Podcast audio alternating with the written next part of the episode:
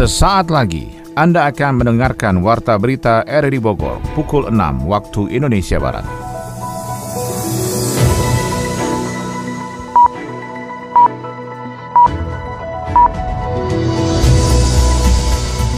Selamat pagi dan salam jumpa.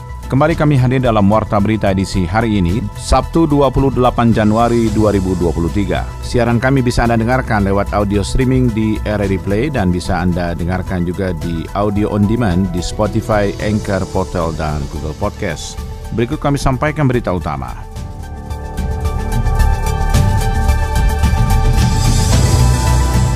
Pemkap Bogor memastikan kasus campak di Kecamatan Tenjo dan Parung Panjang sudah tertangani dengan baik. Apa ya namanya penyakit yang sifatnya tropis begini itu ya. kan akan banyak ditemukan lah di negara Indonesia hmm. termasuk di Kabupaten Bogor. Bantuan dampak kenaikan BBM sebesar 5 miliar rupiah bagi pengojek dan supir angkot di Bogor dikembalikan ke pusat. Pendataannya yang susah. Pertama minta data kan harus ojol dengan ojek pangkalan, uh. angkot. Uh. Yang data ada kasar, habis di sub memberikan data dibikinkan insos untuk diverifikasi. Jonathan Christie melaju ke babak semifinal Indonesia Masters 2023.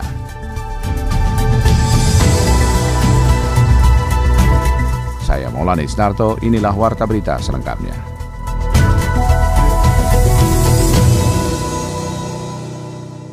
Kasus campak di Kecamatan Tenjo dan Parung Panjang terjadi saat satu penderita berkunjung ke rumah kerabatnya di desa Cilejet hingga menyebar ke salah satu paut setempat. Laporan ini disampaikan Yofri Haryadi. Dinas Kesehatan Kabupaten Bogor akan menggencarkan program bulan imunisasi anak nasional di tahun 2023 ini. Mengingat pada saat pandemi COVID-19 pada 2019-2022 lalu terjadi banyak kekosongan dalam program imunisasi anak yang salah satunya pemberian vaksin untuk penyakit campak. Menjawab KLB campak di Kabupaten Bogor, Kepala Dinas Kesehatan Kabupaten Bogor Dr. Mike Kaltarina mengatakan untuk status kejadian luar biasa minimal 40% dari jumlah penduduk. Angka 18 atau 81 warga di Kabupaten Bogor mengalami sakit campak tidak masuk dalam kategori kejadian luar biasa. Dinkes mengakui wabah campak di Kabupaten Bogor terjadi pada Juli 2022 lalu mengklaster di Desa Cilejet, Kecamatan Tenjo, dan Parung Panjang, Kabupaten Bogor.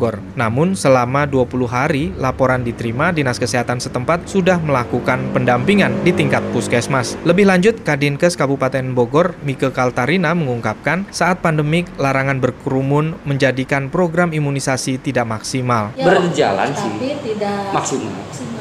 Betul. Karena semua kan ke COVID semua. Apa jadi salah satu ya. Jadi dia itu mau ke posyandu kan takut ada kerumunan kan nggak boleh dulu kita ya, di rumah. Betul.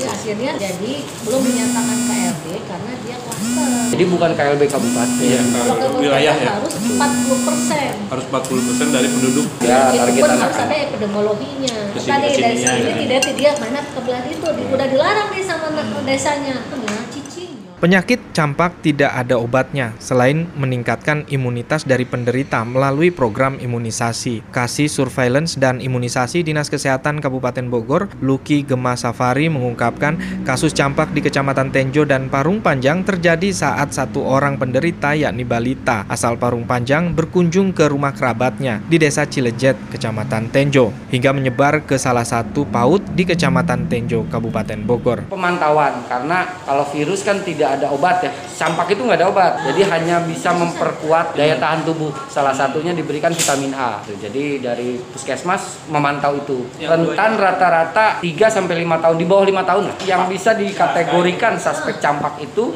dia sudah demam di atas 38 derajat, plus ada ruam atau merah-merah bintik-bintik. Nah itu udah harus harus diambil darah. Bisa di mana? Lab nanti kita antar. Kalau campak kita nggak punya di Kabupaten Bogor sejauh Barat pun belum punya, adanya di Bio Farma di Bandung. Dinas Kesehatan Kabupaten Bogor awalnya menerima informasi mengenai adanya empat kasus campak di wilayah Tenjo. Kemudian pihaknya langsung menerjunkan tim surveillance mengingat penyakit tersebut dapat menular sangat cepat. Dan wabah itu pun selesai dalam 10 hari setelah 18 penderita campak tersebut ditangani. Dinas Kesehatan Kabupaten Bogor memastikan kasus campak di Kecamatan Tenjo dan Parung Panjang sudah tertangani dengan baik. Selengkapnya kita akan ikuti wawancara Adi Fajanugraha dengan Sekretaris Dinas Kesehatan Kabupaten Bogor, Agus Fauzi. Ini kan Yap. ada pernyataan dari Dinkes Jawa Barat dok terkait Oh, iya, status iya. KLB Yang KLB campak ya. di Kabupaten Bogor. Betul. Itu gimana dok? Betul, betul. Eh, bisa dikonfirmasi nggak soal itu dok? Ini kan memang kejadiannya ini di tahun 2022, tepatnya di bulan Juli tahun 2022. Jadi itu kan memang awalnya berdasarkan laporan dari petugas di lapangan, ada awalnya itu laporannya itu eh, empat kasus campak begitu ya. Itu klinis ya, karena gejalanya gejala dengan gejala campak, ada panas, ada demam, batuk pilek, terus ada juga ada bercak kemerahan begitu. Nah begitu ada laporan, tim langsung turun ke lokasi. Kalau kita kan kalau ada laporan kasus itu dengan misalkan suspek kan ada bahasa suspek ya, suspek kan berarti dugaan. Secara klinisnya campak, langsung kita tindak lanjuti. Nah kemudian kita lakukan penyelidikan epidemiologi, dilakukan penyelidikan epidemiologi, dicek, diambil darahnya, diambil serumnya begitu, terus dilakukan pemeriksaan laboratorium. Dan kita juga memeriksa di masyarakat lain yang dengan gejala yang menyerupai campak. Nah dari hasil pemeriksaan kemudian menyatakan bahwa konfirmasi sebanyak 18 positif. Ya artinya kalau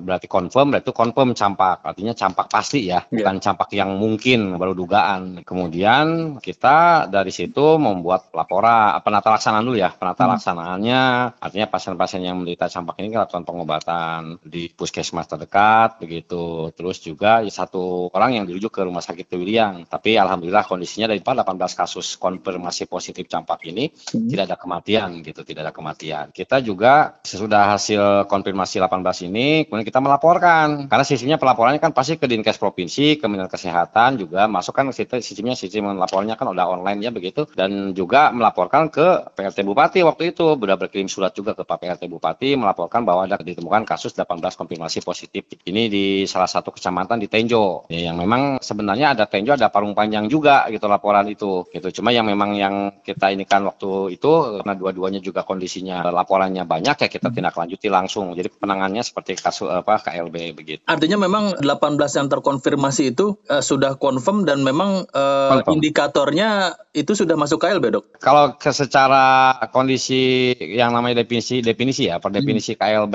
itu kalau yang namanya KLB campak itu apabila ditemukan lima kasus di lokasi yang sama itu itu itu sebagai KLB. Cuma kita penanganannya artinya gini kita makanya melaporkan ke pimpinan dan kita terus bergerak untuk penata laksanaannya begitu. Tadi saya lupa menambahkan ya begitu kejadian yang tindak lanjut kita setelah menemukan kasus 18 konfirmasi positif ini kan secara teori epidemiologi apabila ditemukan kasus ini potensi KLB ini kita melaksanakan ORI ORI itu outbreak response immunization. Jadi kita lakukan imunisasi massal eh, vaksinasi massal campak ya. Vaksinasi massal campak pada usia 9 sampai 59 bulan tanpa melihat status dia apakah pernah dicampak atau belum. Itu semua kita usia 9 sampai 59 bulan itu langsung kita lakukan untuk vaksinasi massal imunisasi campak massal begitu. Itu dilaksanakan oleh kita di bulan Agustus sampai Oktober berbarengan dengan BIAN berbarengan dengan bulan imunisasi anak nasional. Jadi sasaran yang tadi eh, di wilayah tersebut ya di Tenjo gitu juga ada Parung Panjang yang seperti itu kita langsung lakukan vaksinasi massal di situ. Kita memang di situ memang cakupan cakupan campaknya rendah memang di bawah 95% Mas ya karena kan ya satu kaitan memang cakupan rendah ini kan memang di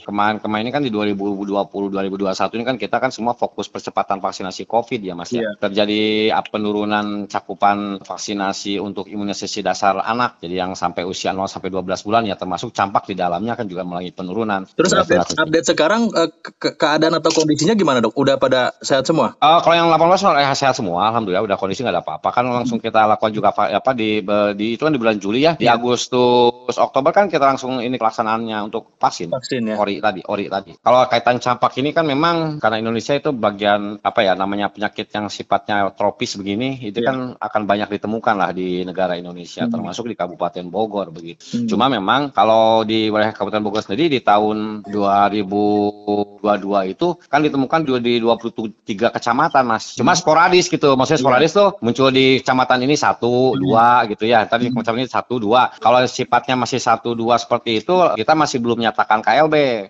Dok, terakhir dok, eh, apa yang mungkin bisa disampaikan kepada masyarakat kita Ya. agar Oke. dengan status KLB ini jangan menjadikan kita panik, tapi eh, Iya. perlu antisipasi Betul. lebih dini dok. Uh, buat masyarakat semua himbauan kami adalah yang pertama, campak ini merupakan penyakit akut menular yang ditularkan secara droplet infection, jadi selalu melalui percikan air ludah ya, sama seperti halnya COVID begitu. Menyerang dengan gejalanya itu adalah panas, batuk ya, seperti gejala-gejala flu begitu, ditambah ada kekhasannya muncul bercak kemerahan di kulit ya di badan begitu. Nah, e, dan tidak perlu khawatir sebenarnya penyakit ini apabila menemukan gejala dengan kondisi tadi panas, batuk ya, mungkin diare juga di situ dan juga ada bercak kemerahan, segera berobat ke paskes terdekat. Bisa ke puskesmas, bisa ke dokter mandiri ataupun bidan, mangga. Nah, apabila ada keluhan yang lebih serius itu bisa menyebabkan dengan itu bisa dirujuk ke rumah sakit yang terdekat. Preferensinya tentunya adalah buat sasaran buat masyarakat yang memiliki sasaran balita begitu ya atau bayi ya bayi balita segera kalau belum divaksin campak ya segera membawa sasarannya bayi balitanya ke posyandu terdekat atau koordinasi dengan puskesmas untuk dilakukan vaksinasi imunisasi campak. Bagi masyarakat yang memang misalkan di usia kan campak itu dilaksanakan di usia 9 bulan. Apabila terlewat dari usia 9 bulan nggak menjadi masalah itu bisa dilakukan tetap imunisasi campak karena imunisasi campak bisa kita lakukan sampai usia 59 bulan. Jangan panik karena penyakit ini insya Allah bisa diobatin tapi dengan catatan ya tadi segera berobat ke paskes terdekat apabila ditemukan kasus. Karena penyakit campak ini kan sifatnya virus, uh, penyakit disebabkan oleh virus yang sifatnya self-limited disease. Jadi self-limited disease itu adalah penyakit yang sembuh sebenarnya apabila daya tahan tubuh kita ini kuat gitu. Makanya ke para kalau misalkan masyarakat ada yang menderita campak ya karena campak ini bisa menyerang semua usia mas bukan hmm. hanya anak-anak gitu ya dewasa juga sama. Penguatan daya tahan tubuh itu yang menjadi kunci utamanya. Ya, Dokter Agus, terima kasih banyak Oke. Okay. atas penjelasannya ya. Sama-sama Kang Adi, sama-sama ya, Kang Adi. Bagus, Assalamualaikum. Sami-sami, Waalaikumsalam. Kita beralih ke informasi lain, kali ini soal Wali Kota Sukabumi meminta para perawat turun serta dalam membantu pemerintah meningkatkan kualitas kesehatan masyarakat serta menjadi garda terdepan penanganan stunting.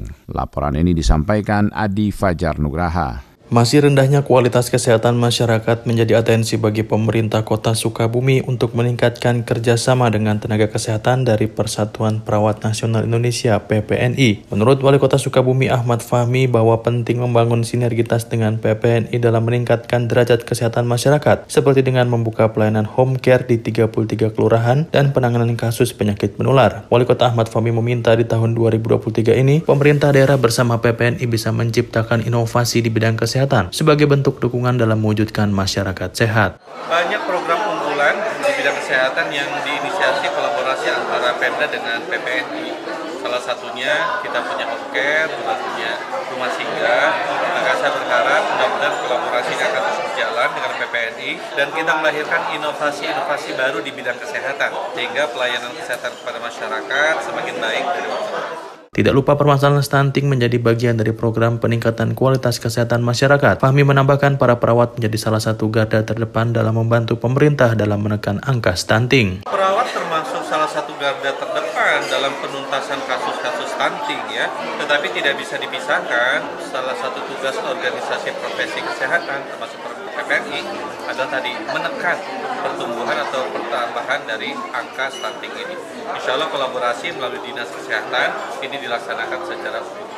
Sementara berdasarkan hasil pengukuran pada tahun 2022, terjadi penurunan kasus stunting di Kota Sukabumi. Kepala Dinas Kesehatan Kota Sukabumi Rita Fitrianingsi menjelaskan, melalui bulan penimbangan yang diikuti oleh 20.017 balita, diketahui angka stunted di Kota Sukabumi saat ini berada di kisaran 4,03 persen dari sebelumnya 5,9 persen. Peningkatan kualitas kesehatan masyarakat bisa dilakukan sedini mungkin, salah satunya menerapkan pola hidup sehat dan mengkonsumsi makanan bergizi untuk mencegah stunting. Lihat deh tuh si Via di medsosnya sering banget posting liburan. Uang dari mana ya? Oh, gitu. Eh, kamu tau si Boy gak sih? Kemarin kan aku ketemu ya, dia sama pacar barunya. Dia kenapa ya sering banget gonta-ganti pacar? Hmm. Terus nih, si Nana tuh, si anak mami itu. Jess, gak lihat aku lagi sibuk ngetik. Kalau diajak rumpi terus, kapan selesainya? Tapi seru tahu bahas mereka. Kamu sadar nggak sih? Gak baik sering-sering ngurusin hidup orang lain. Aku kan penasaran. Penasaran sih wajar, tapi bukan berarti harus serba cari tahu. Ih, daripada buang-buang waktu, tenaga sama pikiran buat cari tahu privasi orang lain, lebih baik lakuin kegiatan yang produktif. Iya deh, maaf, jangan marah dong, Re. Tapi ini tugas aku belum selesai tahu, bantuin dong. Kebanyakan kepoin orang sih, jadi tugasnya nggak beres-beres. Pemerintah Kabupaten Bogor mengembalikan bantuan dampak kenaikan BBM sebesar 5 miliar rupiah yang diperuntukkan bagi pengojek dan supir angkutan umum. Laporan Yofri Haryadi. Terkendala dengan regulasi dan aturan pemerintah pusat, Dinas Perindustrian dan Perdagangan Kabupaten Bogor mengembalikan bantuan dampak kenaikan BBM sebesar 5 miliar rupiah dalam program Kementerian Sosial untuk pengojek dan sopir angkutan umum. Pengembalian anggaran untuk bantuan dampak kenaikan BBM itu pun lantaran data yang diterima simpang siur dan tidak valid dalam verifikasi sehingga berpotensi terjadinya penyimpangan dan ketidaktepatan sasaran. Kepala Dinas Perindustrian dan Perdagangan Kabupaten Bogor, Enti Sutisna mengatakan secara teknis program tersebut ditutup per 29 Desember lalu. Namun fakta di lapangan paket sembako masih belum habis terdistribusikan kepada penerimanya. Anti Sutisna akhirnya mengambil jalan tengah dengan melibatkan Perumda Pasar Tohaga Kabupaten Bogor untuk pelaksanaan programnya. Di satu sisi Perumda memiliki kompetensi dalam mengelola sembako dan di sisi lain pertanggungjawaban penggunaan anggarannya akan lebih kredibel. Jadi kalau 300 sembako dari provinsi tapi belum belum baru pendataan aja sih.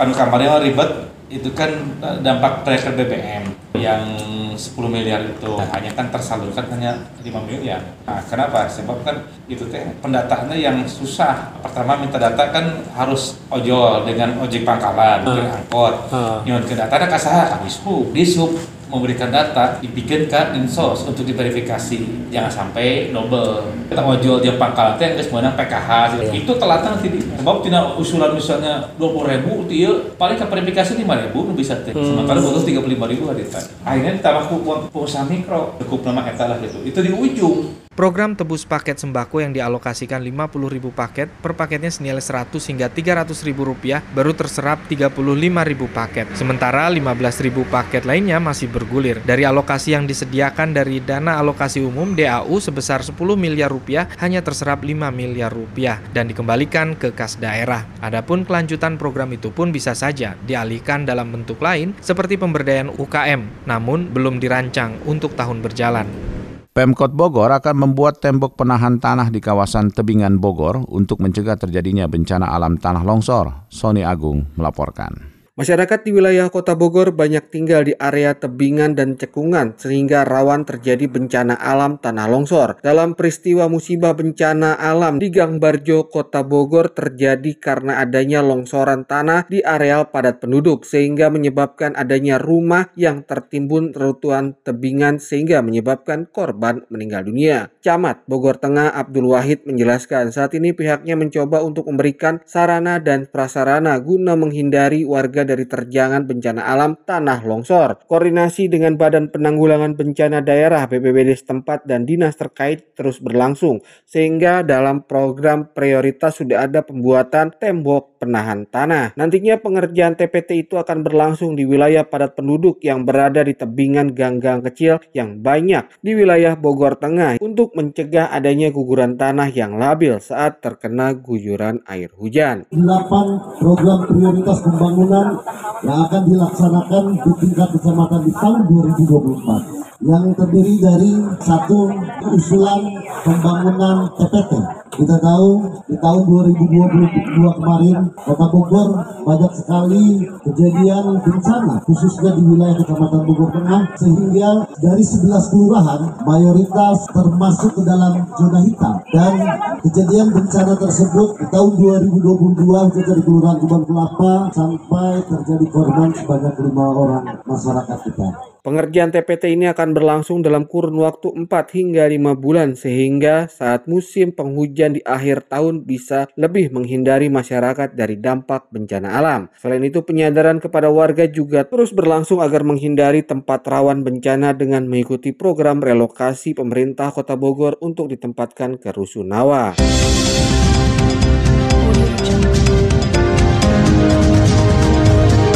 Anda tengah mendengarkan Warta Berita RRI Bogor.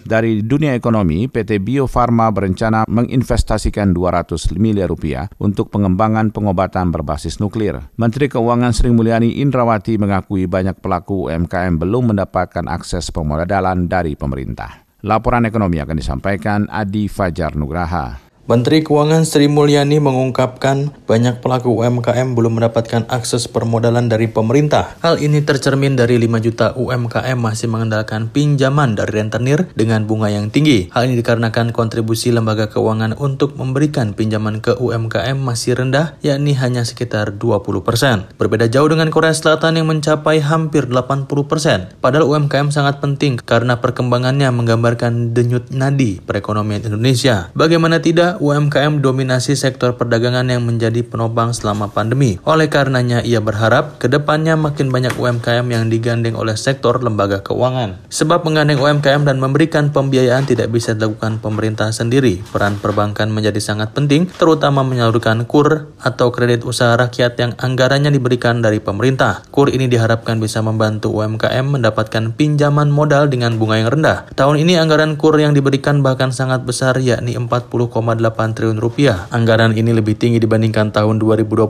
yang sebesar 30,8 triliun rupiah.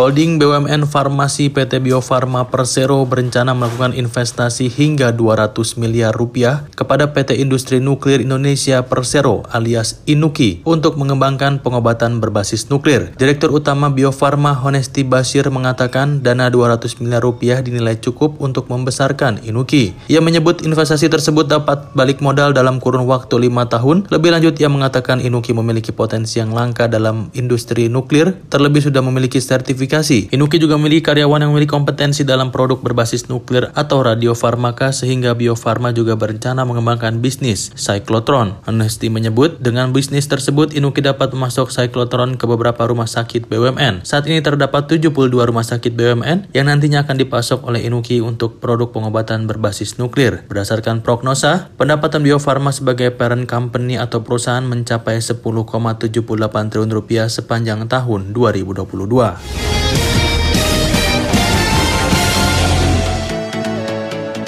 Berita olahraga kali ini tentang Jonathan Christie yang melaju ke babak semifinal Indonesia Masters 2023. Sementara langkah ganda putra Bagas Maulana Muhammad Fikri terhenti pada babak perempat final Indonesia Masters 2023. Persani Kabupaten Bogor segera regenerasi atlet. Selengkapnya dalam info olahraga bersama Ermelinda. Persani Kabupaten Bogor akan fokus pada pemasalan olahraga senam untuk para pelajar SD dan SMP di Kabupaten Bogor. Cabang olahraga senam adalah salah satu cabur yang masuk dalam cabur Olimpik dan dipertandingkan dari level Perprov Jabar, PON, SEA Games, Asian Games, dan juga Olimpiade. Ketua Umum Persani Kabupaten Bogor Andi Juliandi mengatakan di tahun 2023 ini ada beberapa PR yang harus dikerjakan. Salah satunya adalah regenerasi atlet. Di samping itu juga Andi tengah berpikir soal sarana latihan untuk atlet senam Kabupaten Bogor ke depannya. Ini PR, tidak jadi beban karena semuanya kami nikmati. Proses ini kami nikmati bersama teman-teman yang ada di Pertani, Pak Pepen khususnya, yang memang sebagai pembinaan prestasi dan memang ada proses seleksi yang agak lebih rigid ya Mbak, gitu ya, supaya atlet yang nanti kami masukkan sebagai tim Kabupaten Bogor ini betul-betul siap bukan hanya tampil di Porprov 2026 nanti, tapi kami persiapkan untuk tampil di PON mewakili provinsi bahkan sampai dengan SEA Games. Jadi supaya atlet-atlet kami itu dipersiapkan bukan hanya untuk kabupaten saja tapi tingkat provinsi dan tingkat nasional. Itu yang kami siapkan, Mbak. Kabupaten Bogor memang belum memiliki stadion khusus untuk senam. Jadi pemerintah itu sendiri. Pemerintah harus menyiapkan stadion untuk anak-anak ini berlatih. Karena untuk menjadi atlet profesional itu waktunya tidak satu tahun. Minimal 5 sampai 6 tahun mereka baru bisa menjadi atlet profesional. Untuk itu lanjut Andi ke pengurusan Persani Kabupaten Bogor Bogor di tahun 2022 hingga 2026 harus meningkatkan pemasaran senam kepada semua pelajar TK, SD, dan SMP di Kabupaten Bogor. Selanjutnya, Ketua Binpres Persani Kabupaten Bogor Pepen juga menuturkan hal yang sama. Regenerasi atlet dalam beberapa nomor pertandingan akan terus ditingkatkan di tahun ini sehingga pihaknya akan sesegera mungkin melakukan sosialisasi ke sekolah-sekolah. Kalau untuk minimal tahun sekarang saya targetnya Persani Kabupaten Bogor ataupun Pemda Kabupaten Bogor menyiapkan uh, arenanya ya arenanya nanti kami akan mengundang yang pemilik-pemilik klub untuk buka di, di Cibinong seperti itu. Memang yang kami rencanakan tuh yang di gedung kesenian itu karena saya tidak terlalu optimalisasi penggunaannya. Jadi mudah-mudahan kalau Cibinong kan relatif tengah-tengah bisa di beberapa daerah bisa ke situ. Kita kalau pas sekolah melalui MGMP Musyawarah Guru Mata Pelajaran atau K3 PO untuk USD. Kita mungkin melaksanakan pelatihan-pelatihan untuk guru-guru SD dan guru-guru SMP. Karena memang jika bakal untuk nama itu dari usia SD sebetulnya. Kalau untuk SMP, SMA udah maintenance dan prestasi. Lewat pemasalan senam secara berkelanjutan, menurut PP nantinya akan lahir animo atau minat generasi muda kategori usia dini untuk mencintai olahraga senam.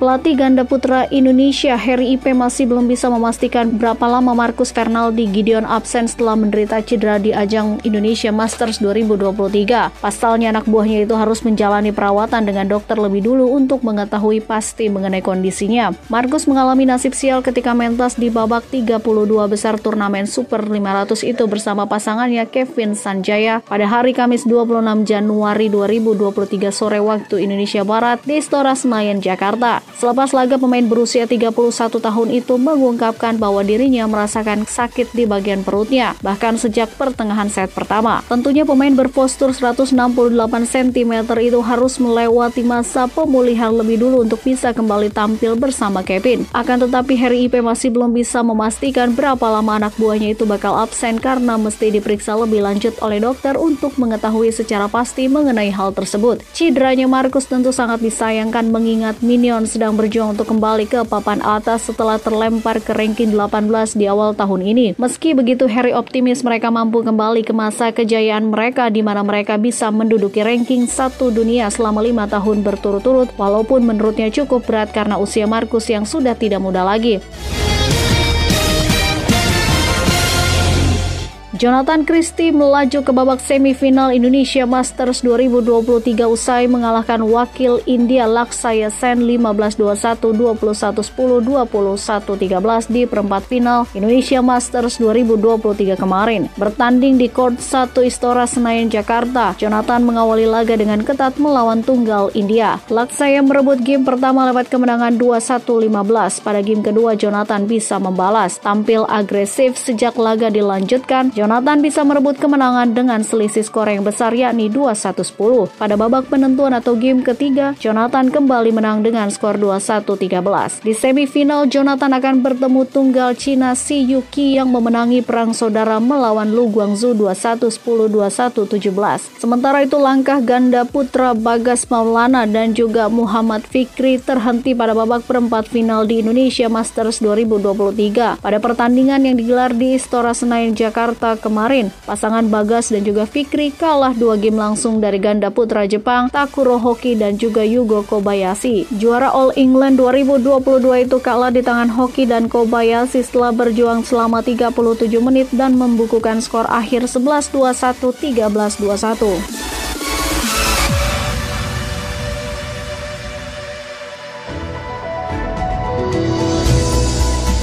Demikian rangkaian informasi yang kami hadirkan dalam Warta Berita di edisi hari ini. Sebelum berpisah, kami kembali sampaikan berita utama.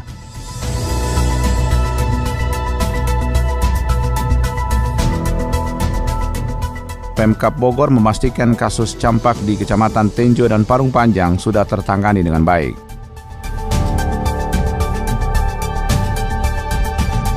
Bantuan dampak kenaikan BBM sebesar 5 miliar rupiah bagi pengojek dan supir angkot di Bogor dikembalikan ke pusat.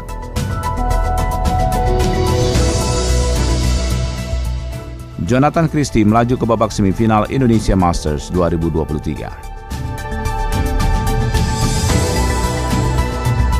Mewakili kerabat kerja bertugas, saya Maulana Estarto mengucapkan terima kasih. Selamat pagi.